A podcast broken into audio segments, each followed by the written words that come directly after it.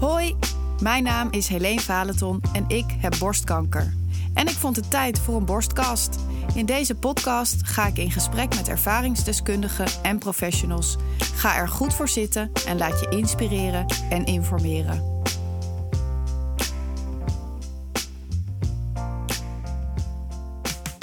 Lieve mensen, we hebben een uh, bijzondere aflevering, een bonusaflevering. Eerste van het nieuwe jaar. Want uh, ik zit hier in Zwitserland en uh, mijn enige echte eigenste hubby zit tegenover me. Hubby. Want het leek ons leuk om een podcast met z'n tweeën op te nemen. Ook een beetje behind the scenes. Ook een beetje behind the scenes. We krijgen best wel wat vragen. En de podcast gaat steeds over andere mensen, maar deze gaat even over ons. Um, en we hebben dat zo gedaan dat we vragen op een briefje hebben geschreven en hier in een um, glazen bak tussen ons in hebben staan. En ik heb op Insta een oproep gedaan van welke vraag moeten we elkaar, aan elkaar stellen. Die heb ik ook op een briefje geschreven en die staan hier ook tussen. Dus we gaan om de beurt een vraag uh, of een briefje pakken en een vraag aan elkaar stellen. Oeh, Oeh spannend. Ik vind het serieus wel echt een beetje spannend. Ja, hè? dat zei jij net nog. Ja. Ik heb er vooral heel veel zin in. ik ben wel ook benieuwd wat, uh, wat de vragen zijn. We hebben ook zelf vragen. Maar wat vind je spannend dan? Uh, nou ja, ik weet niet of het heel confronterend wordt. We hebben natuurlijk. Of het, of het meteen keihard te janken. ja. Ja, dat, dat vind ik misschien wel een beetje spannend. Ja. Uh, maar ja, verder vind ik het, het ook erg wel als dat gebeurt? Dat is ook een kijkje behind the scenes, toch? Ja, nee, het is niet erg als het gebeurt. En anders edit ik het er gewoon weer uit. Je kunt jezelf eruit knippen. Ik kan mezelf censureren. Ja. Ja. En we zitten inderdaad vanuit uh, Zwitserland hier. Ja, dat is heel erg fijn. Dat is echt te gek. We zitten in het appartement van mijn broer. Ja. Die hier woont. En die is op vakantie. En die zei, uh, yo, jullie mogen in mijn appartement. Dat is te gek. Ja. En best wel bijzonder, want vier weken geleden... iets meer dan vier weken geleden was je geopereerd. Ja. En hadden we eigenlijk helemaal niet gedacht... of in ieder geval wel gehoopt dat we naar Zwitserland zouden kunnen. We houden allebei van, uh, van de bergen. Uh, maar we hadden niet gedacht dat we al zoveel zouden kunnen doen in Zwitserland. Nee, want ik dacht eerlijk gezegd, ik ga wel mee voor de Forum, maar ik kan waarschijnlijk niet zoveel doen. Um, maar we hebben gewoon 300 hoogtemeters gemaakt gisteren. Ja. Was het gisteren? Ja. Ja, dat was gisteren. Ja. ja. Dus dat was eigenlijk heel top. Ja. Oké. Okay. Uh, wil jij als eerste een briefje pakken? Ik wil een briefje pakken. Oké. Okay. Spannend hoor. Er zitten ook een beetje dubbelingen in, denk ik. Want er zijn veel dezelfde vragen gesteld. Oké, okay, de eerste vraag. Hoe vind je dat de kinderen deze hele kankerzooi oppakken? nou, zeg gelijk uh, goed wow, binnenkomen. Okay. Laten we goed beginnen. Nou, meteen prioriteiten duidelijk. Kinderen. Um, ja, ik ben vet onder de indruk van die kinderen. Toch? Ik weet niet of jij dat ook hebt, maar um, die doen het zo goed. Hun leven gaat zo ook weer gewoon door. Mm -hmm. En daar kunnen wij heel veel van leren, denk ik ook. Hoe zij het, uh, nadat wij het verteld hadden, wat ik trouwens een van de heftigste momenten van dit hele, dit hele traject vond. Ja. Dat vond ik super heftig om ze dat te, te vertellen. Maar um, daarna waren ze gewoon weer, zijn we een film gaan kijken met z'n twee, met z'n vieren, geloof ik. Ja, ik weet wel dat we de dag daarna naar een pretpark zijn Oh gegaan om een soort van afleiding uh, te zoeken. Ja. Dat we ze één dag thuis hebben gehouden van school. Ja, En eigenlijk daarna ook best wel weer de dingen hebben opgepakt. ja zo normaal mogelijk. En dat hebben zij ook super goed gedaan. Ja, Dus ik vind dat ze het heel goed doen. We hebben natuurlijk wel gemerkt dat ehm, met name de jongste dan in, in bepaalde fases het echt wel zwaar heeft gehad en een beetje de grenzen opzocht in alle emoties. ja, Zowel eh, de boze emoties als de, de blije. En dat je gewoon als dat hij heel hard aan het lachen was en dat je dan merkte: oh ja, hij is bijna aan het huilen terwijl hij aan het lachen is. Zo gewoon helemaal er doorheen schieten. Daarvoor hebben we hulp gezocht. En daar hebben we hulp voor gezocht, zeker. En dat heeft hem onwijs goed gedaan. En daardoor ons ook. Ja, hij zei dus ook: Ik ben zo emotioneel, mama. denk dat ik echt een therapeut nodig heb. Ja, dat zei hij, ja. Het is zo lief. ja. En zo knap. Hij kan heel goed vertellen wat hij nodig heeft. Ik heb hem nog gevraagd wat dat dan eh, wat dat zou betekenen als je een therapeut zou. Of als je met een therapeut zou zitten. Toen vertelde hij mij nog dat hij eh, wel wist dat je daarmee ging praten. Ja, Om je gevoelens een plek te geven. maar volgens mij hebben we dat ook aan het begin wel verteld. Van dat er, als ze ergens eh, met iemand anders over willen praten, dat we dat gewoon kunnen gaan regelen voor ze. Ehm, en dat het niet nu hoeft, dat het ook later mag. Maar volgens mij hebben we dat heel snel ehm, soort van aangeboden. Ja. En hij weet natuurlijk door mijn werk wel een beetje wat, het, wat een therapeut is. Ja, ik vond dit zelf trouwens ook wel interessant. Wat jij ook al zei, is eh, dat moment dat we natuurlijk gingen vertellen. Dat was, eh, nou, dat was natuurlijk heel heftig. Ik weet nog heel goed dat we toen uit het ziekenhuis kwamen. eh, en dat we toen natuurlijk niet wisten. nou ja, wat precies de, de situatie was. Behalve dat het wel ernstig was. eh, dat je natuurlijk borstkanker had. Ja. Toen moest ik eh, de oudste nog ergens anders ophalen. Eerder dan dat hij zelf eh, dacht. Dus die zat onderweg in de auto allemaal dingen te vragen over waarom die nou eh, opgehaald moest worden. En waarom die al eerder naar huis moest. En ik zei, ja, we moeten wat gaan vertellen. En dat het eigenlijk heel gek was, want we zaten buiten in de tuin met jouw ouders erbij. Ja, want zij hebben de kinderen toen opgehaald, toch? Nee, want ik heb de oudste opgehaald. Oh, en van de eh, jongste, nee, nee, nee, die was aan het Oh, spelen bij een bij een vriendje. Ja, ja. Eh, en het was vet mooi weer. Ja. Dat we in de tuin eh, zaten. En dat we het volkomen op eigen intuïtie maar hebben verteld. Want Ja. niemand kon ons echt vertellen hoe je dit moest gaan doen. Nee, En ik denk achteraf gezien dat er ook niet per se een recept voor is. nee daar zijn we toen vertellen. in het begin een beetje boos over geweest. Van eh, ja, je wordt maar een beetje naar huis gestuurd met eh, ja, eh, ieder kind heeft iets anders nodig. Maar ja. Ja. dat is natuurlijk zo. Ja, Uiteindelijk ken je als ouders je kinderen het beste. ja. En ik denk wel, zeg maar, gedurende nou ja, tot nu toe, dat we dat best wel intuïtief goed doen. Althans, ik ben daar wel trots op hoe we dat doen. Ik ook, ja, zeker.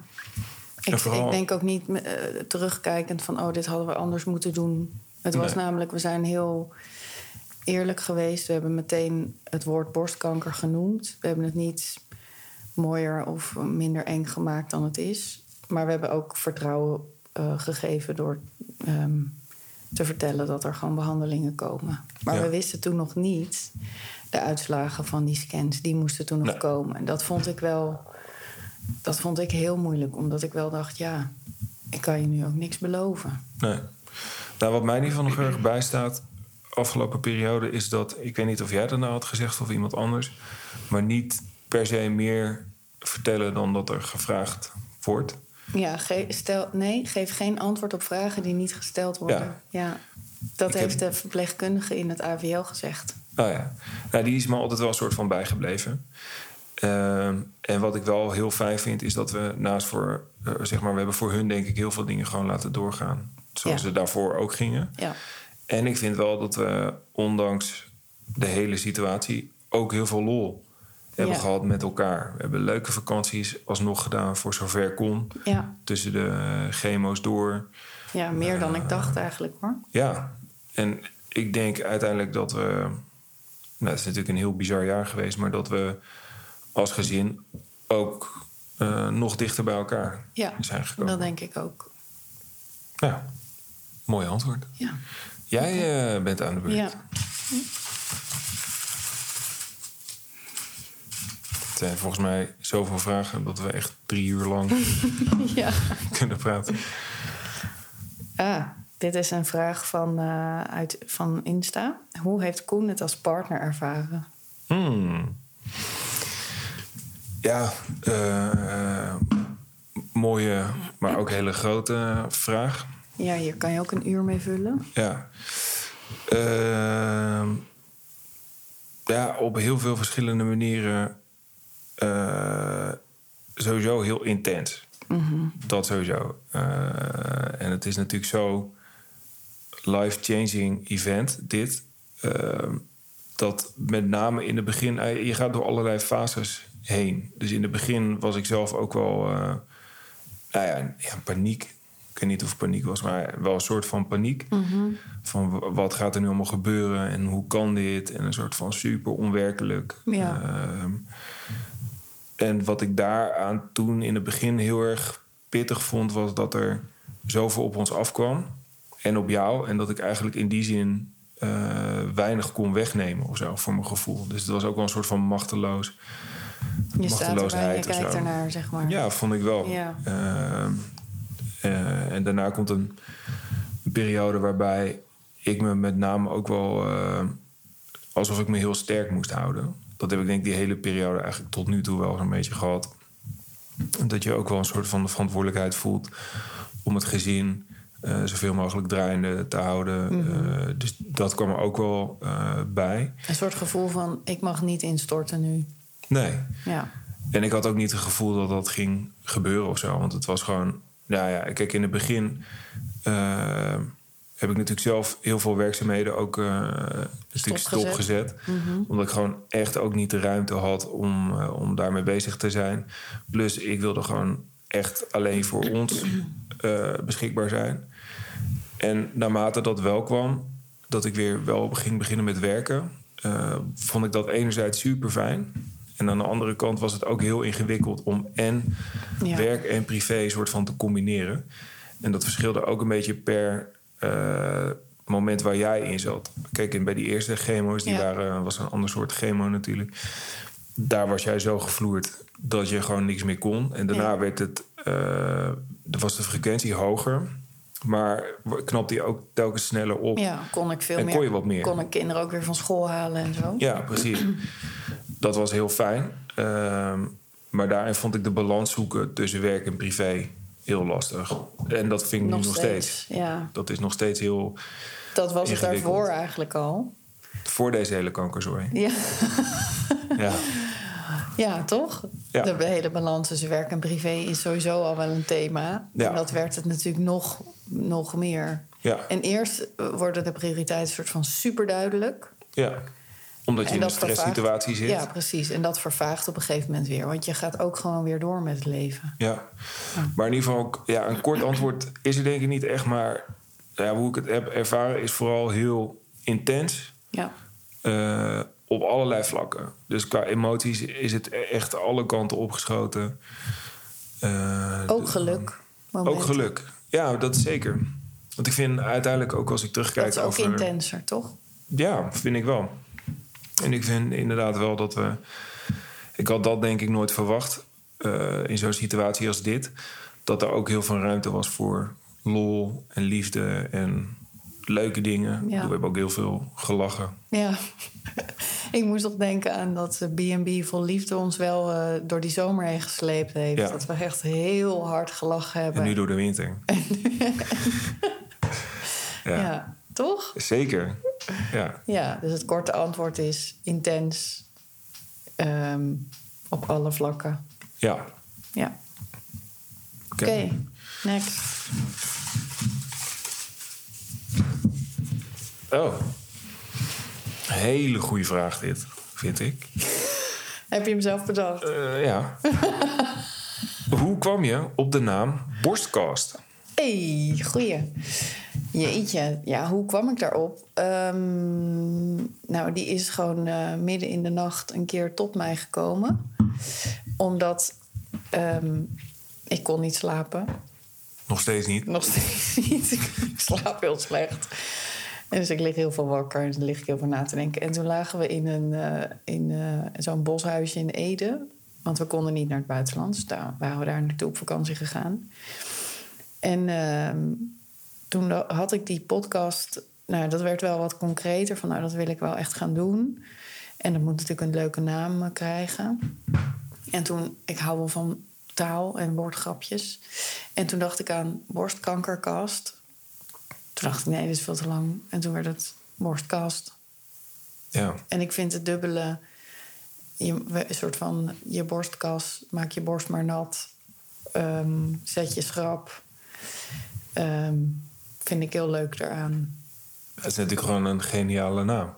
Ja, ik vind het zelf ook wel een vet goed goede, bedacht. eh, goede naam. Ja, Dus hij was gewoon midden in de nacht, popt hij in één keer op. popte die op en toen werd ik wakker. En Heb je hem opgeschreven ook, eigenlijk? Nee, nee, nee. Ik heb gewoon als allereerste 's ochtends tegen jou gezegd... ik weet de perfecte naam voor de podcast. En toen zei jij ook, nou, die is, die is briljant. Er Ja. is ook nooit meer een andere voorbij gekomen of nooit getwijfeld. En ik twijfel altijd aan alles, dus... dat is best bijzonder. Vet. Ja, nou, next. Anders komen er nooit, jongens. Weet je hoeveel vragen hierin zitten? Eh, waar zag je het meeste tegenop toen de diagnose eenmaal bekend was? Ja, dat kan ik beter aan jou vragen. Waar zag je het meeste tegenop? Nou, jij kan toch ook ergens tegenop zien?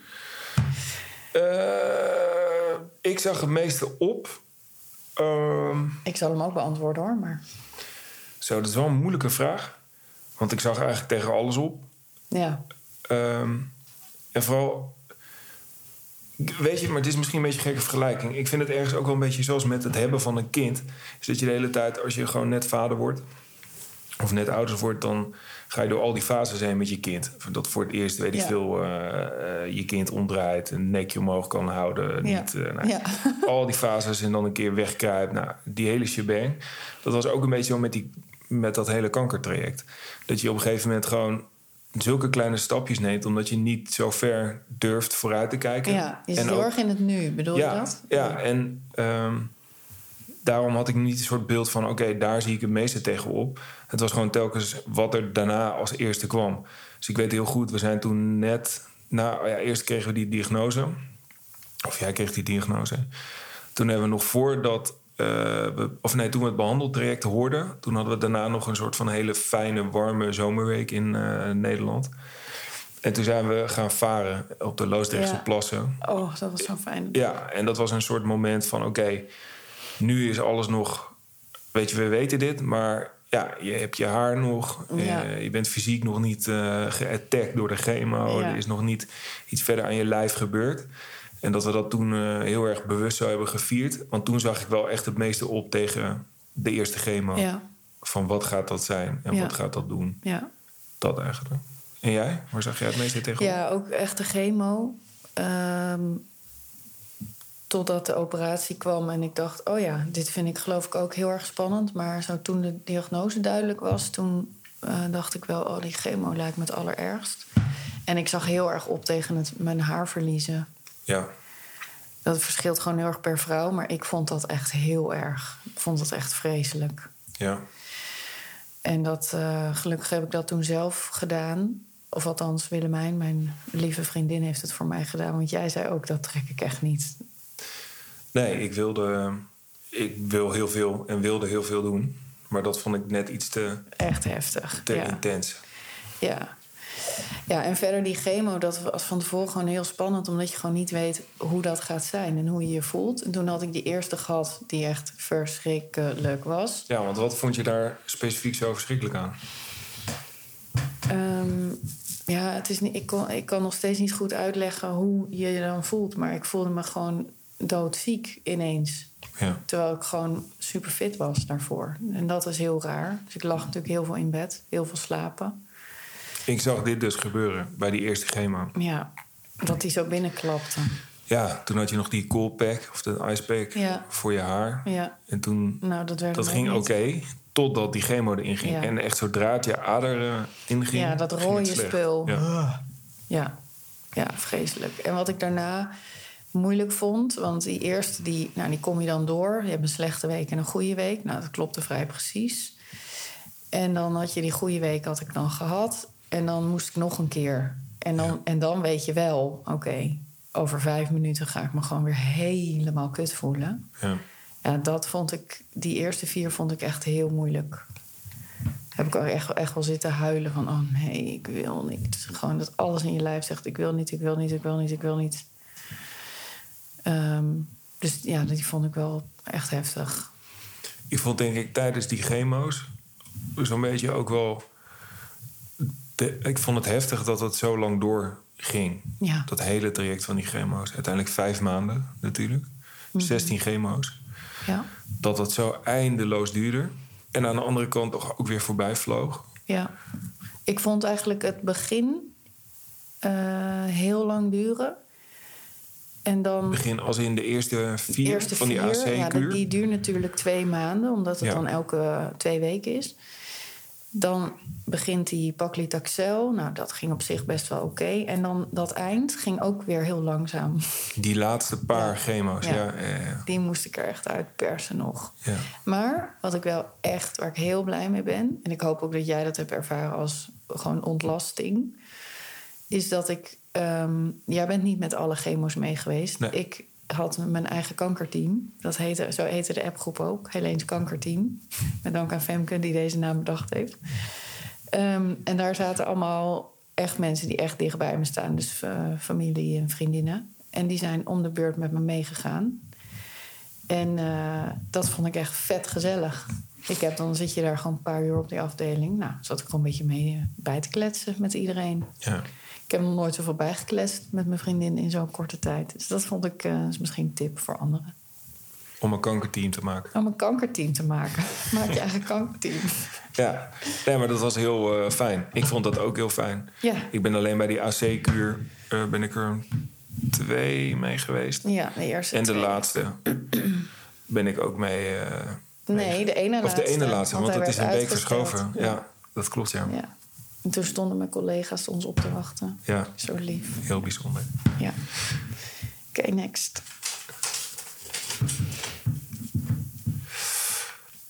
Oké, deze vraag. Had ik als partner iets anders kunnen doen om het voor jou draaglijker te maken? Nou. De tafel kraakt een beetje. Ja. Ehm.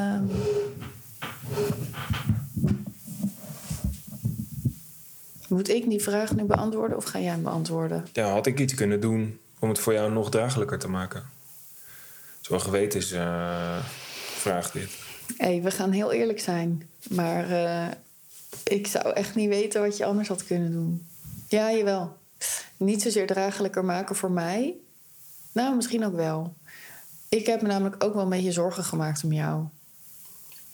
En dat ging dan meer over het eh, weer beginnen met werken. En dan, ja, het is 50%, maar ik zag al binnen twee weken dat naar 100% gaan. En dacht echt, oh, gast, doe nou even kalm. Ehm, en daarin ben je gewoon heel erg eigenwijs. doe je het gewoon op je eigen manier. Maar daarvan heb ik wel, wel eens gedacht van ja, je gaat gewoon veel te hard. En het is niet om het voor mij draaglijker te maken, want ik, red, ik redde me op dat moment wel. Maar ik heb me ook wel zorgen gemaakt om jou, dat je te hard ging. Ja, En dat je een soort van het leven wat we voor die kankerzooi hadden, het werkleven zeg maar, eh, oppakken. Terwijl het was niet meer het leven daarvoor. Nee. Het was echt een, ander thuis, een andere thuissituatie. ja. Ehm, dus in die zin, als ik daarop terugkijk, denk ik wel, nou, dat had je misschien anders kunnen doen voor jezelf. Ja. Vooral. Ja, dat was ook wel moeilijk hoor. Het was er namelijk ook, ik bedoel, mijn werk zelf vind ik ook gewoon heel erg leuk. En ik doe best wel veel eh, verschillende dingen wel binnen één Ja, sector. en dat was het vooral, denk ik. Want je bent toen al die verschillende dingen ook weer tegelijk bijna op gaan pakken. Ja. Ja. Maar het is niet zo dat het daardoor voor mij draaglijker was of zo. Dus dat, is, dat heeft niet zoveel te maken met eh, dat ik daarin niet gemist heb. Maar dat wel wat ik heb zien gebeuren en wat ik wel soms dacht als oei, gaat het wel goed. Ja. Ja, en andersom. eh, heb ik niet echt. niet zo aanstellen. Je had gewoon geen kanker moeten krijgen. ja, precies. Die zeur je op. Nee, ik heb echt absoluut geen dingen die je anders had kunnen doen om het voor mij in ieder geval draaglijker te maken. Nee, eigenlijk niet. Oké, dan ga ik naar de volgende. Ehm. oh, dit is ook wel echt een, spannende vraag van eh, Insta. Ben je wel eens bang geweest de afgelopen tijd en heb je het niet laten merken? Zo. Nou, goede vraag. Ja. Ja. ja, ja, tuurlijk. Ja, ik ook. Ja, ik heb die momenten echt wel eh, gehad. Ja. En soms was het... eh, ja, ik heb dat volgens mij eigenlijk helemaal niet gedeeld. Eigenlijk helemaal niet. Ook niet als ik erom vroeg. Ook niet als je erom vroeg. Nee. Dan zei jij, ik wil het er hier gewoon nu niet over hebben. Ja, bij sommige dingen had ik ook een soort gevoel... als ik het uitspreek, dan, gaat het, dan gebeurt het of zo. Oh ja, dan jinx je het. Ja, dat, ja, dat is wel echt zo. Plus, ik heb echt letterlijk wel eens eh, in de auto gezegd... eh, maar ook in, in de ziekenhuizen van... dit gaat gewoon niet gebeuren. gewoon echt, maar ook hardop. Ja, ja. Nou, dit gaat gewoon niet gebeuren. Eh, Ja, ook ja- als ik zelf heel erg eh, in paniek was of eh, moest huilen of zo, dat ik dat nou ja, tegen Ook mezelf zei. tegen jezelf zei, ja, ja. Van joh, dit gaat gewoon niet gebeuren. Echt niet. No fucking way. Ja, ik weet nog zo goed dat je tegen mij zei. Toen was ik ook zo. al- Ik kon echt alleen maar huilen. Want die maandag kregen we een soort van. Nou, het is waarschijnlijk borstkanker. Maar dinsdag kregen we dan een definitieve weefseluitslag. En toen zei je ook: Wij fixen dit, schat. Dit gaat gewoon helemaal goed komen. Wij fixen dit. Gewoon, Heb ik dat gezegd? Ja. Dan kan ik me niet eens meer herinneren. Ja, ik wel. Heel erg soort. Ja, ik weet niet, heel. eh, heel krachtig was dat. Vond ik heel fijn. Want ik was echt alleen maar totale paniek. En jij dus ook. Alleen ging je dat dus heel hard op zeggen. Ja, nou, het kwam een beetje in. eh, het was ook in, eh, in fases. En ik had soms ook gewoon het idee dat die gedachte me ook gewoon niet ging helpen. Een soort van ja, Ja. de- wat deze gedachte die. Ja, daar heb ik helemaal niks aan. En Nee. jij ook niet. Dus daarom hield ik het dan in dat geval ook gewoon voor mezelf. Want ik dacht, ja, als ik het voor mezelf hou, dan heb, heb, heb ik alleen er last van en niet jij ook. Ja, maar dat is wel wat er gebeurt. Je gaat elkaar dus ontlasten. Ja. Dus je bent. Wat ik wel echt vind, is dat in het begin hadden wij een soort super. eh, diepe connectie en bespraken we alles. Ja. En toen ging het beginnen. Nu gaan we aan het werk. Toen zei er niks zo. meer. Toen stopten we met praten. Ja, want in die eerste paar weken hebben we inderdaad wel dat soort eh, heftige gesprekken Ja. gehad. Of was jij echt eh, heel erg in paniek was ik was. gewoon de hele tijd heel erg in paniek. Ja, En dat kon ik ook niet meer tegenhouden. Maar daarna zakt dat. ja. En ehm, toen hebben we er niet zo heel veel meer over gepraat. Vind je dat stom? Eh, ja, eigenlijk wel. En waarom vind je dat stom? Ja, ik weet niet. Ik heb toch wel één keer gezegd van... ehm, ik ben zo bang dat we elkaar helemaal uit het oog verliezen... Ah, als we hier nu niet over praten. En toen heb jij ook zo heel stellig gezegd... ja, maar dat is niet zo en ik wil het er niet over hebben. ja. Dus ja, ik heb het dat wel eens gedacht. Maar aan de andere kant denk ik ook... ja, je moet elkaar ook daarin respecteren. Dus ik had wel behoefte om daarover te hebben, maar jij niet. En dan kan ik dat niet bij jou afdwingen. Nee. Dat is gewoon een ander tempo daarin. en als ik dan kijk hoe we er nu bij zitten, denk ik, nou, volgens mij zijn we elkaar helemaal niet uit het oog verloren. Nee. Dus is het ook goed gekomen. Ja. Dus misschien, nee, ik neem dus mijn antwoord terug.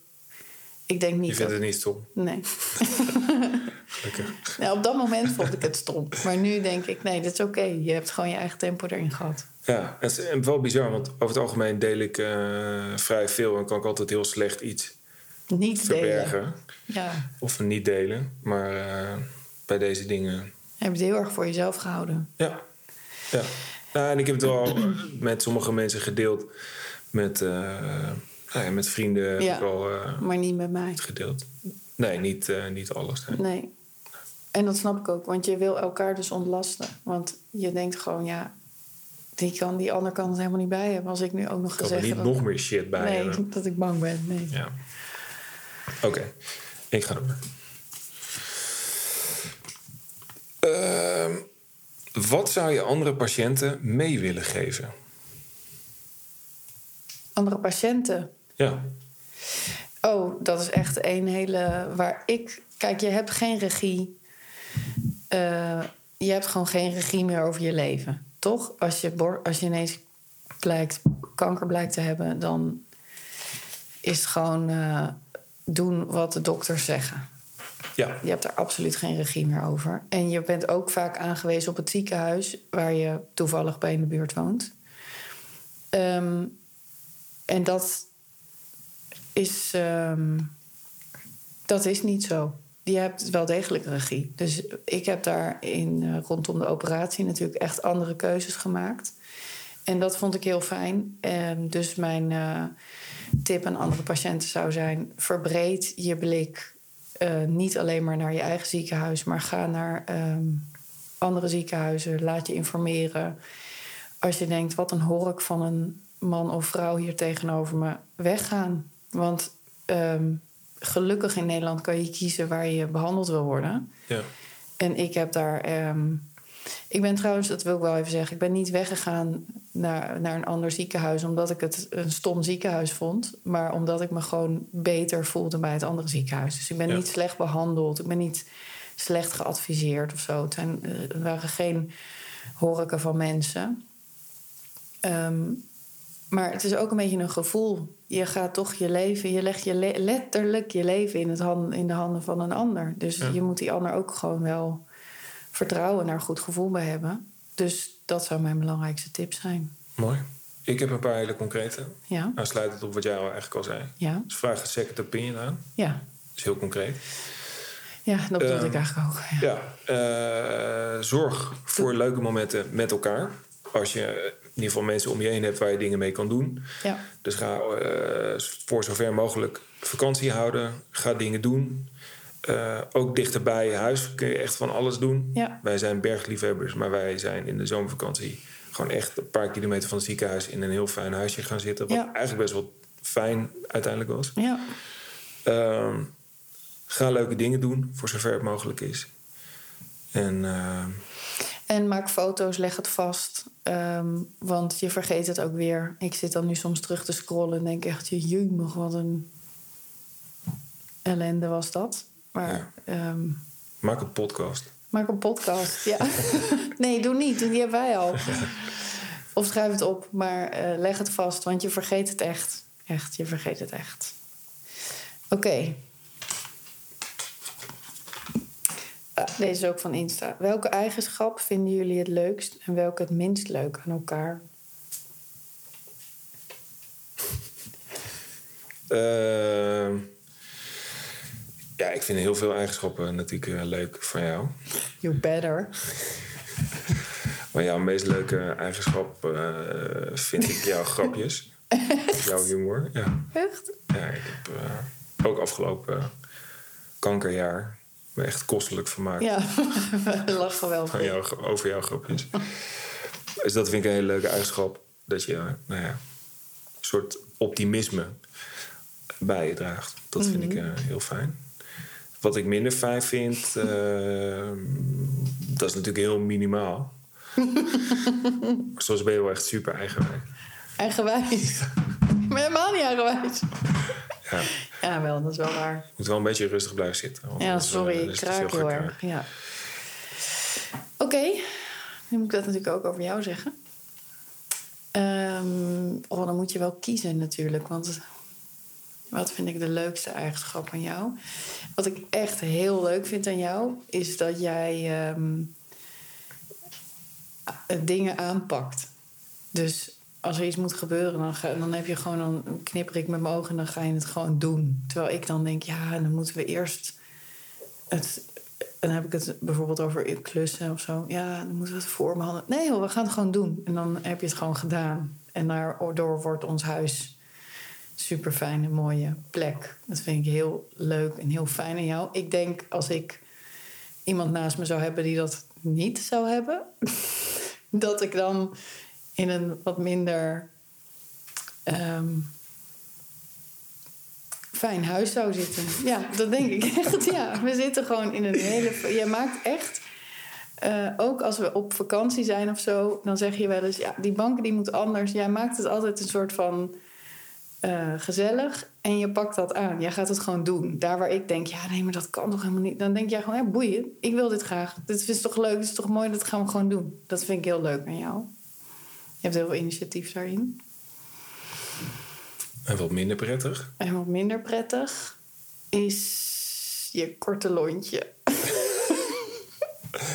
Ja. Vooral als je met je moe en gestrest bent, ben je gewoon snel geïrriteerd. ja, dat was misschien de afgelopen periode wel iets meer. Ja. Ja. Maar ja, kijk, ik vind dat soms irritant. Maar ik, het is ook zo dat je iets meer denkt... Ja, ach, boeien. Laat die jongen even... Hij heeft het ook zwaar. Hij heeft het ook zwaar. ja. Ja, dat snap ik wel. En ja, het is een beetje leem om dat te zeggen. Maar ik vind, jij bent ook echt, echt super grappig. En heel, je hebt echt hele zwarte humor. Die echt niet in de podcast kan. Sowieso niet naar de buitenwereld gecommuniceerd mag worden. Oh, het, echt, het gaat zo lomp af en toe. En ik hou daar echt van. Ik vind het heel leuk. Ik vind sowieso dat wij echt zoveel kunnen lachen samen. Nog steeds. Ja, ik vind ons ook heel leuk. Ja, ik vind ons ook heel leuk. 16 jaar al en mensen. Even kijken of ik eh, heel transparant een vraag kan pakken. Oh ja. Wie kwam met het idee van een podcast?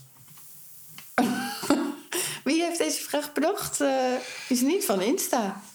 Nee, Nee. dat is van TikTok. Is deze. ja.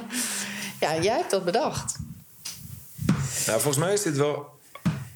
Ja, jij moet hem eigenlijk beantwoorden, sorry. Ja. Ik, eh, Ik kan me nog herinneren dat we in de auto zaten naar dat huisje in Ede. En dat ik toen tegen jou zei: Ik wil iets doen hiermee. Ik wil dit vastleggen, maar ik ga geen boek schrijven. Want hoeveel boeken zijn er al wel niet over borstkanker? En ja, hoeveel kankerboeken zijn er al? ja dat, is, ik, dat, dat wil ik niet. Maar ik wil wel iets doen. Ehm, en toen zei jij volgens mij iets over... eh, is het niet een leuk idee om een podcast te gaan doen? Ja, En toen heeft dat eerst andere vormen gehad. Waarbij ik alleen mijn eigen omgeving zou interviewen. En later werd dat een, eh, heeft het zich doorontwikkeld naar die ervaringsverhalen van andere vrouwen. Ja, het had namelijk een soort dubbel iets. Want we wisten ook van hey, deze periode gaat aanbreken. Ja, Je kon eh, en kan niet werken. Eh, maar je moet toch iets om handen hebben, ook om die periode door te komen. Ja. En tegelijkertijd ben je natuurlijk ook vanuit je werk... jouw werk is vragen stellen. ja, Dus zo kwamen we ook wel, voor mijn gevoel wel gezamenlijk op dat idee. En omdat je gewoon een groot liefhebber bent van podcast. ja. Oh ja, en omdat ik... ehm, ik ben er dus gewoon liefhebber van. En ik luister eigenlijk liever dan dat ik lees. Ja, Ehm, en ik kon gewoon niet zoveel vinden over... Nou, hoe, hoe doen andere mensen dit eigenlijk? nee, het ontstond ook vanuit een urgentie. Ja. ja, dus het kwam wel mooi samen in die zin. Ja. Maar ere wie ere toekomt. Jij hebt wel echt bedacht, podcast. Ja, en toch voelt het wel heel erg gezamenlijk. En volgens mij hadden we een week daarna hadden we alles in huis. Een hele podcast set. Ja. Om het op te maar nemen. dit bedoel ik. Dit, dit bedoelde ik precies net met jou. Dat je gewoon... Oké, podcast maakt prima. En dan ga je gewoon... Dat logo was ontworpen. Ja. De mics waren binnen. eh, die interface, of hoe noem je dit ding? De opname Je werd ding. gedwongen. Nee, maar dat is, dat is gewoon heel tof van jou. Ik zou dan eindeloos nadenken en twijfelen. En, eh, en jij denkt gewoon, hé, hey, hallo, kom op, YOLO, we doen dit nu. En Ja. dan is het gewoon, dan maar je gebeurt hebt heel het goed het concept wel overdacht. Want je dacht eerst, ik ga een soort systemisch naar mezelf kijken. Ja. Hoe ik in, dit, eh, nou ja, in deze hele situatie... Hoe houd ik mezelf stand? Hoe kijken andere mensen daarna? En dat is toen wel veranderd naar... Ik wil gewoon meer informatie hebben over borstkanker van... Nou ja, ex-patiënten of Ja. patiënten zelf, maar ook professionals. Ja, dat is denk ik gewoon echt een hele goede ja, twist geweest. ja, zeker. En daar hebben we natuurlijk heel veel over gehad. En die oproep op LinkedIn, die ontplofte. Ja, het is en, gewoon eh, viral gegaan. Helemaal Ja. eh, heel veel mensen die daarop reageerden. En daardoor heb ik Frederik leren kennen. En die heeft uiteindelijk ook de operatie gedaan. de het heeft me echt veel opgeleverd. Ja, ja, het heeft je heel veel opgeleverd.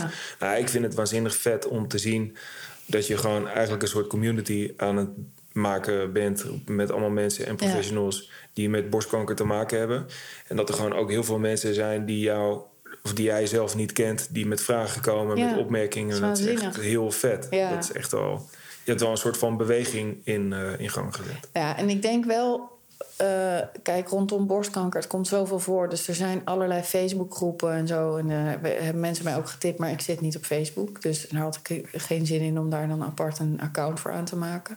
Dus ik denk dat er wel degelijk allerlei groepen zijn die elkaar weten te vinden. Maar laten we gewoon nieuw starten. En dat zijn we ook eigenlijk aan het doen. We groeien heel langzaam. Maar en je vindt het heel leuk om te doen, ja, toch ook? zeker. Ja, heel leuk en dat is ook heel veel waard. Ja. Oké. Welke eigenschap van de ander zou je zelf willen hebben? Nou, sowieso jouw optimisme. En vertrouwen in de mens. En vertrouwen in het leven. Die zou ik heel graag van je willen overnemen. En, nou, er zijn wel meer eigenschappen. Jouw uh, nou ja, secuur zijn. Uh, met geduld iets kunnen afwachten het geduld hebben is denk ik ook wel belangrijk. Dat zijn wel, ja, ik vind jou wel vrij geduldig. Ja. Okay. Maar in ieder geval jouw optimistische kijk op het leven en het vertrouwen. In combinatie met geduld, dat zijn eigenschappen die ik heel graag van je zou willen overnemen. Nou, lief. Um, wat ik van jou zou over willen nemen is jouw uh, creativiteit. Je hebt eigenlijk altijd overal wel een oplossing of een idee over of voor voor andere mensen, voor jezelf, voor de kinderen. Je bedenkt ook altijd. Ik, uh, ik werk veel met kinderen, maar ik kan niet zo goed spelen met kinderen. Vind ik ook niet zo leuk. En, jij wel. Jij kan dan echt de meest leuke dingen bedenken. Dat vind ik superleuk. Heel creatief. Dat, uh, dat heb ik echt niet. En jij wel. Ik vind wel dat je jezelf daar tekort mee doet. Want jij bent inherent ook heel creatief, maar... Uh... Nou, ik ben misschien meer... Ik bedoel, ik vind het leuk om uh, met woldingetjes te maken, maar... een beetje maar, te puddeken. Een beetje lekker puddeken en borduren en zo. Uh. Maar dat, ik bedoel niet die creativiteit. Nee. Ik bedoel, een beetje knutselen, dat kan ik wel, maar... Een hele geniale vorm van creativiteit. Ja. Gewoon de echte creativiteit. De echte. Ja. Okay. Ja, maar je hebt ook overal een oplossing voor. Ideeën. Jij, jij bruist altijd van de ideeën. Waarbij bij het een soort blank is. Dat vind ik leuk aan jou. Dat zou ik ook wel iets meer willen hebben. Nou, dankjewel. Ja. Ik weet niet of we deze... Wat vond je echt bloedirritant? Hmm. Ja, weet ik ook niet. Ja, wat ik echt bloedirritant vond... was op een gegeven moment de hele tijd... Uh, en ik bedoelde het echt op een hele goede, lieve manier maar iedereen was heel erg uh, betrokken. Uh, en is nog steeds enorm betrokken. En dat is echt, nou ja, dat is zonder alle mensen in onze omgeving had ik en hadden we het sowieso niet gered. Nee. Maar wat ik wel echt ja, bloedirritant, ja, vond ik wel op een gegeven moment bloedirritant om altijd maar uit te leggen wat er was en wat er speelde. Ondanks dat vragen zo goed en zo lief bedoeld waren. En het ook niet fijn zou zijn als er niet gevraagd zou worden. Dus het, is, het ligt niet zozeer aan de vragers. Maar gewoon de hele tijd ermee bezig mee moeten zijn met kanker. Dat vond ik wel echt irritant. En de timing af en toe. Dat je gewoon denkt, net op het golflijn staat en dan vanuit alle echt super lief. Maar dat je dan denkt, ja, ik heb nu eigenlijk geen zin om uh, heel erg diep in te gaan op hoe het met me gaat. Dus ik had dan wel een beetje een soort standaard antwoord. Dat jij volgens mij ook, toch? Zo nou ja, ik heb, nee, ik heb geen standaard antwoord. Ik kan, ik, kan, ik kan het dan niet. Ik moet dan bijna een soort van wel het hele verhaal geven. En ik vind het niet zo erg. Ja, ik ook. Maar dat is wel een soort korte versie van het verhaal. Ja. Nou, ik weet dat we een heel mooi gesprek hadden met, uh, met vrienden van ons die uh, nou, vrij dichtbij wonen. Uh, die, die hadden vond ik, nou, we hebben echt een hele mooie avond gehad met hun. En mm. uh, zij hebben ook uh, nou, een heftige situatie in hun leven meegemaakt. En zij vertelde ook op een gegeven moment: ben je een soort van informatie aan het ja, oplepelen. Precies, je bent de ander aan het informeren. Ja. ja. Maar nogmaals, wat wel ook zo is, de, dat mensen vragen stellen zelf, zou ik ook, ik, als dat niet was gedaan, zou ik het ook niet fijn vinden. Nee, dus die vragen stellen is, is waanzinnig belangrijk. Ja. De timing is soms wat lastiger. Ja. En wat ik gewoon meer bloedirritant vond, was dat het gewoon, kanker staat gewoon de hele tijd centraal. Terwijl dat ik soms ook gewoon zin had om over werk te hebben. Of over Ja. dingen die ik daar... Ik, heb, ik hou echt van mijn werk. Ja. Om het daar juist over te En ik hebben. denk dat die ander denkt, ja, het wat oppervlakkig wat van mij als ik alleen maar naar werk eh, Ja. of werk zou hebben. Ik moet het eigenlijk wel vragen, terwijl jij dat dan misschien wel heel lekker zou vinden. Oké. Wie was er eigenlijk? Ik, hè? Je weet zo. Vind je het gênant dat een mama-care-verpleegkundige vraagt naar jullie seksleven? Komt van Nee, helemaal niet. Want de Mama Care heeft helemaal niet eh, naar ons seksleven gevraagd. Het enige wat ik me wel herinner is dat we op een gegeven moment een boekje kregen. Ehm, waarin stond eh, dat er gewoon weinig eh gesext gaat worden. Nou, niet een boekje. Ze heeft het wel gezegd. Van, nou, de Mama Care? Nee, niet de mama care. Oh, ik, ja, de En ook alleen maar jou aankijken van... nou, man, je kunt het wel vergeten dit komende half jaar of zo. Ja, ja, dat klopt. Ehm, ja, dat is, oh, dat is eh, inderdaad wel. Dat was eh specialistisch verpleegkundige. We hebben Ja. daar heel kort eh, ja, informatief over gehad. Maar niet verder inhoudelijk op ingegaan. Ehm, Maar vond je dat gênant? nee, helemaal niet. Nee, hè? Ik heb er ook niet zo last van. Nee, ik vind sowieso... Ik vind het eigenlijk alleen maar goed dat ze er naar vragen. Ja, Want ehm, nou, als iemand ziek wordt, heeft dat nogal impact op allerlei levensgebieden. Waaronder ook eh, het seksleven. was je daarmee bezig? Ehm, nou, in het begin helemaal niet. Maar op den duur denk je natuurlijk wel... Ja, hoe langer je het niet meer doet, hoe eh, hoger de drempel wordt. Ja. Dat heb ik wel gedacht. Maar bij ons is dat helemaal goed gekomen. Dat vind ik... Ja, daar, ik heb daar bij ons nooit zorgen om gehad, gelukkig. Nee. Nee, Hoe heb, vond jij dat dan? Dacht jij echt, nee, een half jaar, nee. nee in het begin, toen, eh, toen we dit natuurlijk allemaal net hoorden... was, daar, was ik daar natuurlijk helemaal niet eh, mee bezig. Nee, ik ook niet. Want je bent in zo'n eh, paniek- en overlevingsmodus gekomen. Dat je daar, ik moest daar in ieder geval niet aan, aan denken. Maar op een gegeven moment wel. Want dan, ja, je zit gewoon in zo'n traject. Ja. En ja, weet je, voor mij is het hebben van seks ook gewoon verbinding hebben eh, en krijgen met elkaar. En eh, nou ja, we hadden natuurlijk eh, voor die hele kankerzooi gewoon een heel goed seksleven. Dus ik dacht ook wel van ja, blijft dat nog in stand? En, dat is En hoe natuurlijk- gaat dat zijn überhaupt daarna? Niet alleen blijft het Ja. in stand, maar hoe komt het terug als het even weg is? Ja, komt het weer terug? Ja. Nou ja, en ik denk dat in ons geval dat heel positief heeft uitgepakt. En natuurlijk is het wel anders geweest in het, in het begin. En ik bedoel, hebben in die zin natuurlijk minder vaak dat soort seksuele intieme momenten gehad. Maar dat is op een gegeven moment is dat weer gewoon teruggekomen. En nou ja, volgens mij is dit natuurlijk Best gewoon heel... natuurlijk eigenlijk, toch? Ja, en ik kan me voorstellen dat het per situatie totaal kan verschillen. Dat het voor anderen echt iets heel anders weer eh, betekent. Maar ik vond in ieder geval heel fijn dat het wel gewoon kon. Ja, en wat ik ook wel... eh, we hebben het ook wel veel over gehad. Gewoon over gepraat. En wat hebben we dan? Oké, nu blijft het heel stil aan de overkant. Nou, we hebben het toch... We hebben het toch over gehad, schat? Is toch zo? Ja, we hebben het wel over seks gehad. ja. Gewoon over meer- intimiteit Meer, ja, ja, en ja, over- een soort van... Hoe is dat nu voor jou? En eh, dat ik me toch een soort van eh, schuldig voelde of bezwaard voelde. Ja. Heb ik wel eens besproken. Maar ik heb wel, als ik zo terugkijk, had ik niet gedacht dat we nog een seksleven zouden hebben Nee, tijdens die kankerzooi. nee. Ik dacht ook, dat staat gewoon even uit. Ja, Maar viel mee. Dat viel mee. Nou, gewoon een meevallen. is, was gewoon een meevaller. Nee, en als mensen daarnaar vragen, vind ik dat niet gênant. Want ehm, ik denk dat het heel norm- we, we moeten dat wat meer normaler maken, denk ik. Ja, Het zeker. is toch gewoon onderdeel van de relatie. Zeker. Ja. Oké, next. Wat heb je geleerd over de ander wat je nog niet wist?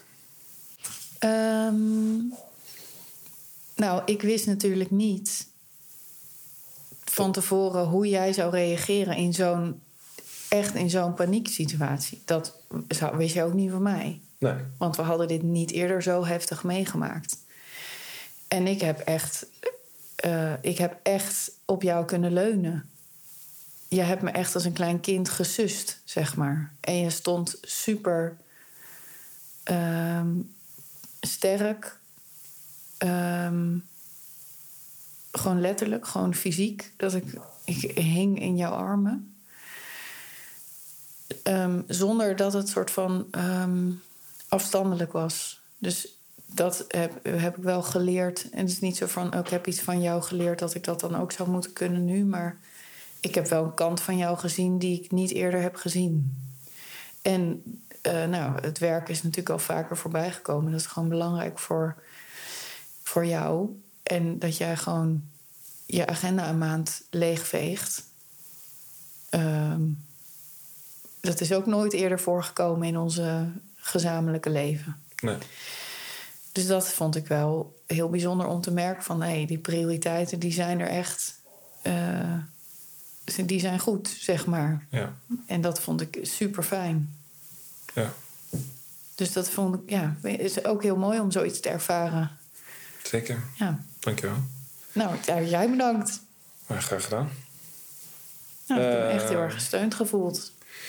Ja, en bij jou, wat ik. eh, nou, wat me nog meer duidelijker werd, is hoe sterk jij bent. Dat klinkt eh, bijna een soort corny, want heel veel mensen zeggen natuurlijk in zo'n haat project. dat van, woord. eh, ja, ben sterk. zei het net en, zelf ook, eh, ja, weet je, ja, je, Wat je een kan het wel hebben. Ja, precies. Maar ik moet wel eerlijk zeggen dat wel. Maar wat bedoel je dan? Want nou, door eigenlijk op heel veel vlakken. Dus je, je was emotioneel. een wrak, ja, maar ook ben je daar ook weer toch? een soort van eh, nou ja, uitgekomen. Dat is niet het goede woord. Maar alles mocht er zijn. Dus je kon en een soort van je emotie laten zien. Maar tegelijkertijd kon je ook heel erg van het moment genieten. Ja. Heb je juist echt ontzettend veel dingen nog gedaan. Ook tijdens je chemo's. Dus ook fysiek sterk, zeg maar. Is er gewoon nog voorbij gekomen. Ja. Ehm, ja, je moest je soms, ondanks dat er, weet ik veel, dat je echt hartstikke ziek was, je toch nog een soort van de drive om, weet ik veel, met ons er te zijn, om met de kinderen eh, een kopje thee te drinken, om in ieder geval gewoon er te zijn in huis, zeg maar. Ehm, maar ook gewoon mentaal heel sterk. Dus ook ondanks dat er gewoon heavy angsten zijn en eh, dat je niet weet hoe het er allemaal uit gaat zien, dat je eh, nou ja, toch weer met heel veel vertrouwen hierin stond. Dat vond ik denk ik wel heel. Nou ja, dat wist ik al. Maar dat werd me nog duidelijker dat, dat, nou ja, dat je echt heel sterk bent. Thanks. Wel bijzonder dat je het woord vertrouwen noemt. Want als ik dat klopt, dat ik dat in de basis heb ik veel vertrouwen in de mensheid. En ook wel in mezelf en mijn eigen lichaam. Maar dat is dus echt heel erg veranderd. Ja, Precies Ja, dat. Vertrouwen in mijn lichaam. En vertrouwen in de toekomst. Van oh, hoe gaat het allemaal? Dat is wel echt veranderd. ja, Maar ik ben blij om te horen dat het nog wel. dat er nog iets van over, ehm, overgebleven is. ja, misschien was het dan niet zozeer vertrouwen in je lichaam, want dat was natuurlijk. Dat was er helemaal niet, omdat dit gewoon Nee, zo in één keer er was. dat is er nog steeds niet. en je super fit was en heel gezond leeft. En nou, dat, dat was natuurlijk helemaal niet, maar meer vertrouwen in een soort van het moment. Nou, misschien dat soort van heel mindful Ja, erin staan of zo. Ja, ik weet niet. En ja, gewoon dat je telkens maar hebt doorgezet. Ja, ja hoge pieken, diepe dalen eigenlijk. Dus niet alleen maar diepe dalen. En dat had ik wel verwacht van tevoren. Ik dacht, ik moet eigenlijk al mijn inloggegevens van alles aan Koen geven, want ik kan helemaal niks meer. nee. En dat is niet zo. Ik kon nog best wel veel tussendoor. Een hele muur staan schi- schilderen. Oké. Next. Wat vind je het mooiste gevolg van het maken van de borstkast? Dat is een vraag van eh, Insta. Mooie vraag. Ja. Nou ja, wat ik eh, het mooiste gevolg vind, ik wel dat jij heel veel zingeving hebt gehad Ja. in het hele traject. Dat vind ik denk ik eigenlijk het allermooiste. Dus je hebt er met heel veel passie aan gewerkt. Ja. En dan werken tussen aanhalingstekens. Want dat was natuurlijk, ja, je kon dit doen wanneer er eh, ruimte en eh, fysiek aan toe was. Maar dat, dat vind ik een heel mooi gevolg van deze ja, borstcast. Eh, maar dat je ook veel meer kennis over borstkanker hebt gekregen. Dat je heel veel nieuwe mensen hebt leren kennen. Eh, dat vind ik denk ik wel de drie mooiste gevolgen van, van deze borstcast. En jij? Ja, ik, ik ook wat jij hebt gezegd net. Ehm, en daarbij, wat ik heel tof vind, is ehm, een van de vrouwen die ik geïnterviewd heb. Zo krijg ik het ineens in mijn keel, hè? Ehm, die zei, eh, die appte mij van: Ik heb een soort mooi document Ja. Over mijn verhaal. Wat ik gewoon met andere mensen kan delen. En dat vind ik echt super tof. Dat het, eh, even los van dat het mij heel veel opgeleverd heeft, vind ik het heel leuk dat er dus nu eh, straks nog meer vrouwen gewoon hun eigen aflevering hebben ja. met hun verhaal. Dat is toch te gek? Smaakt dit naar meer? Ja, zeker. Ik wil echt nog veel meer eh, afleveringen opnemen. Ook omdat ik merk dat ik gewoon nog steeds daar reacties op krijg. Ja. Dus dat vind ik heel leuk. En ik vind het leuk, ik heb zelf iets ontdekt wat ik nog nooit gedaan had. En wat ik gewoon eh blijk te kunnen. Dat is ook wel leuk om een keer te ontdekken. Ik weet nog ook een leuk gevolg. Dat wij voor het eerst echt samen een creatief project Hm? ja, hebben gedaan. inderdaad. Ja. Dat vond ik ook heel leuk. We werden ook collega's. We werden ook collega's. En jij was echt in de lead hiermee. Eh, wat natuurlijk heel leuk is, wat misschien niet iedereen weet, maar de, de edit per podcast. Dat doe jij. Eh, ja, maar onder leiding van, eh, van, van jou natuurlijk. Als artistiek leider. Ja, dat is natuurlijk super hilarisch. We, we hebben natuurlijk thuis een studio in de tuin, wat super fijn is, waar we konden editen. ja. Ehm, en dat vind ik wel heel leuk dat we dan echt samen aan het werk waren. ook. Vind ik en ook dan leuk. eh, was het ook gewoon, ik moest dan ook wel doen wat Je jij vond mij wilde. ook wel irritant af en toe. Dan vond ik juist wel ook wel irritant. Maar ja, mij wordt misschien ook wel.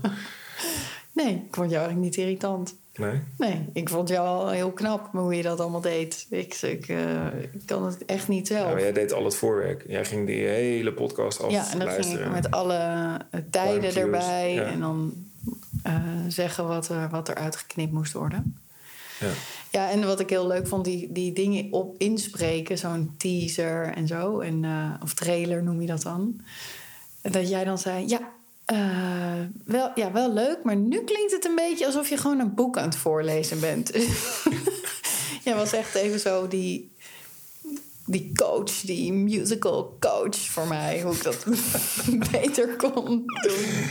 Ja, we hebben sowieso wel met die eh, trailer ook wel echt gelachen. Want dat was natuurlijk vet serieus onderwerp. Op een gegeven Ja. moment werd het echt... eh hey, mijn naam is Helene Valenton. Ik heb borstkanker. Ja, het en iets te blij. je, ja, nu is het weer iets te blij. Je hebt nog steeds kanker, hè? Ja, oh ja, kut. Maar het is wel een leuk gevolg dat we in ieder geval echt samen hebben gewerkt. Ja, zeker. En nog steeds. Heel Steeds doen we dit. Ja, Zullen we nog een laatste vraag doen? ja.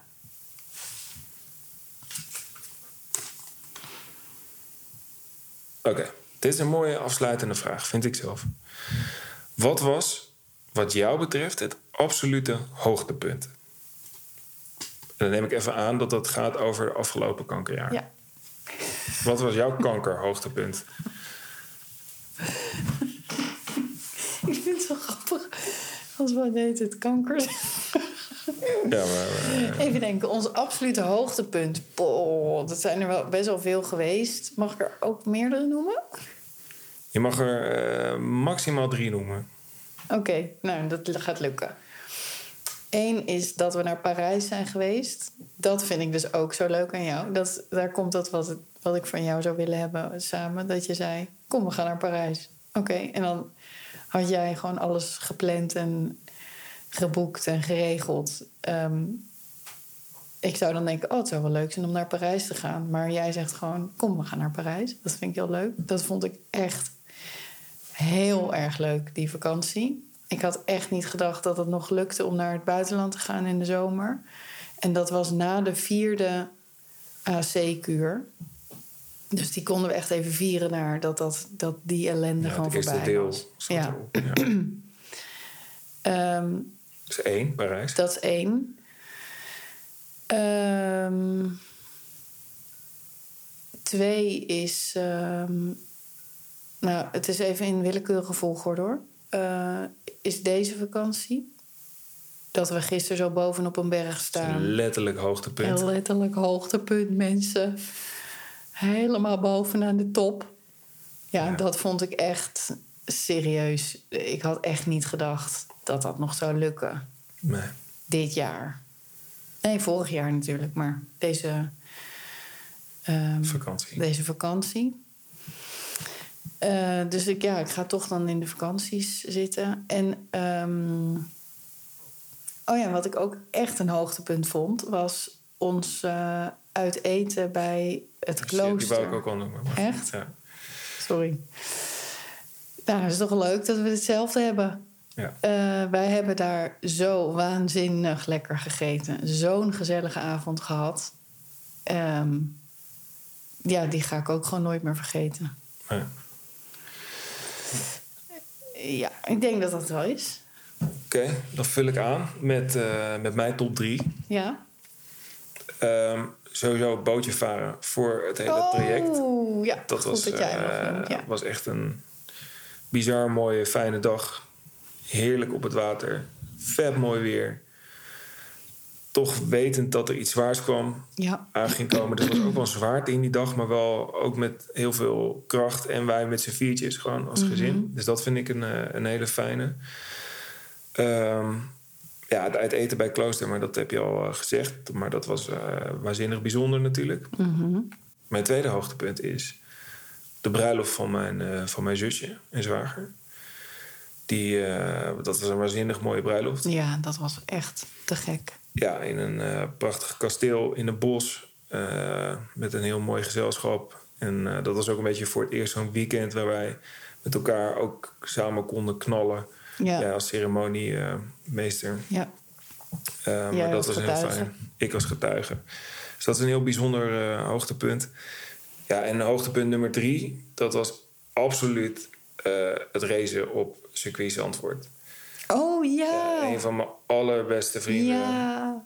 Douwe, die, had, eh, ja, die heeft een zo'n waanzinnige dag georganiseerd. Om even alles te vergeten. En we hebben met een hele mooie groep mensen hebben we op, een, op het circuit van Zandvoort. met een raceauto en een instructeur mogen rijden de hele dag. En mogen ervaren. En dat was gewoon. Ik bedoel, al hadden we iets totaal anders gedaan met deze groep mensen. Of in ieder geval, al waren we bij elkaar, zeg maar. Dat was eigenlijk al het meest waardevolle van die dag. Maar het was ook wel gewoon heel vet. Dus dat was ook wel Ja. absoluut een hoogtepunt. Ik wil ook nog één hoogtepunt toevoegen. Kan het gewoon niet laten. Dat was ook echt een heel heftig moment. Ehm, jij moest met Typhoon spelen in Amersfoort. Eh, op eh, Amersfoort, Amersfoort World Jazz Festival. En ehm, ik stond daar met de jongens. Het was echt bloedje heet, 30 graden, midden in de zomer. En toen ineens eh, droeg Glenn een nummer aan ons op. En wij wisten allebei niet dat hij dat ging doen. Maar toen was zo het hele publiek zong... als de hemel valt, zullen we het samen moeten dragen. Nou, jongen, ik vond dat echt een super heftig, emotioneel... maar ook zo'n prachtig moment. Ja, en ik moest nog spelen. Ja, arme jij. Ja, want jij brak ook totaal. Glenn brak. Iedereen was aan het huilen, ook om mij heen. Ja. Maar dat is ook, ehm, ook een heel mooi moment geweest. Ik dacht, ja, dit is, ehm, is ook pure vriendschap op het podium. Waar Ja. we allemaal getuigen van waren. Ehm, vond ik ook echt een hoogtepunt. Dat zal ik nooit vergeten. Oh ja, ik weet ook nog een hoogtepunt. Is dat ook echt een hoogtepunt was? Nou. Jouw verjaardag.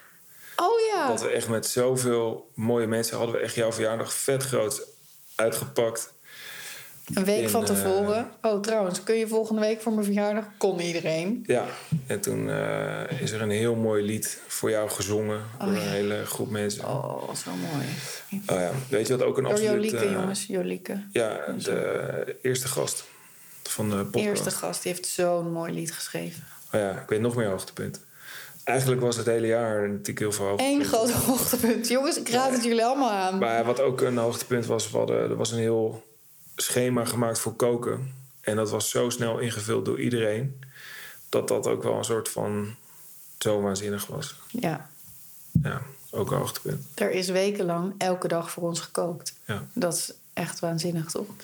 Nou, er is sowieso natuurlijk door zoveel mensen eh, zoveel steun geboden. Ja. In praktische, maar ook... eh, nou Emotionele zin. Ja, ik, voel, eh, ik voelde me wel echt gedragen. Ook afgelopen periode. Ja, absoluut. Ja, mooi. Dat is toch een mooie afsluiter. Wat, eh, wat, welke hoogtepunten we hebben Ja, zeker. gehad. Wil jij eh, nog iets meegeven Aan jou of aan de luisteraar? aan de luisteraar? Pff, jeetje, ja, ik wil nog een heleboel, zou ik wel mee willen geven. Maar ik denk het belangrijkste vanuit dit gesprek is: eh, nou, ga dit doen. Ga zo'n gesprek voeren met elkaar. Is toch ik vind het echt heel leuk. Weer net anders. Door vragen van anderen te stellen aan elkaar. Ja, Dus ja, en voor de rest, ja, eh, het is allemaal zo super cliché wordt het dan. Ehm, dus eh, dat ga ik gewoon niet doen. Weet je, ik kreeg een appje van iemand voor oud en nieuw. En die zei: Ik ga je gewoon niet eh, allemaal eh, eh, fantastische dingen wensen dit jaar. Ik hoop gewoon dat je een saai jaar hebt. Met gewoon sleur, veel herhaling. Gewoon lekker op de bank, voor de tv. De eindeloosste vaatwasser in en uitruimen, wasjes vouwen. Ik gun je gewoon zo'n jaar. Een normaal jaar. Gewoon een normaal jaar. En geniet alsjeblieft van die gewone normale dingen. Ehm, en die vond ik eigenlijk wel mooi. Ik dacht, ja, het hoeft ook allemaal niet heel bombastisch en groots. Het zit hem vaak in die kleine dingen. En dat heb ik ook in die vreselijke eerste vier kuren. Dat ik op een gegeven moment beneden zat met de jongens eh, boterhammen te smeren voor school. Ja, dan zat ik te huilen omdat ik zo gelukkig was dat het kon. Ja. Ja, dat is natuurlijk te suf voor woorden misschien, maar ja, dat is wel zo.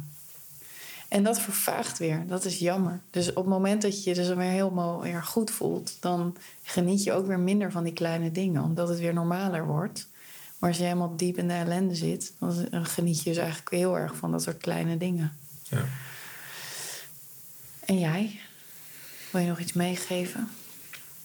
Nee, behalve dan dat er nog hopelijk heel veel leuke en interessante en echte podcasts, podcast aankomen. Ja, hoop ik ook. Oké, dankjewel schatter. Jij ook. Lekker bezig. Lekker, be- lekker gewerkt, Pik. Oké, is klaar. Veel dank voor het luisteren van deze aflevering. In de show notes is meer informatie te vinden over het thema dat we besproken hebben. Laat een berichtje achter in de comments en laat vooral weten wat je ervan vond. En geef deze podcast sterren. Dat helpt ons om meer bekendheid te krijgen. Wil je meer weten over de Borstkast en onze gasten? Volg ons vooral op Instagram en zoek op de Borstkast. Liefs, Helene.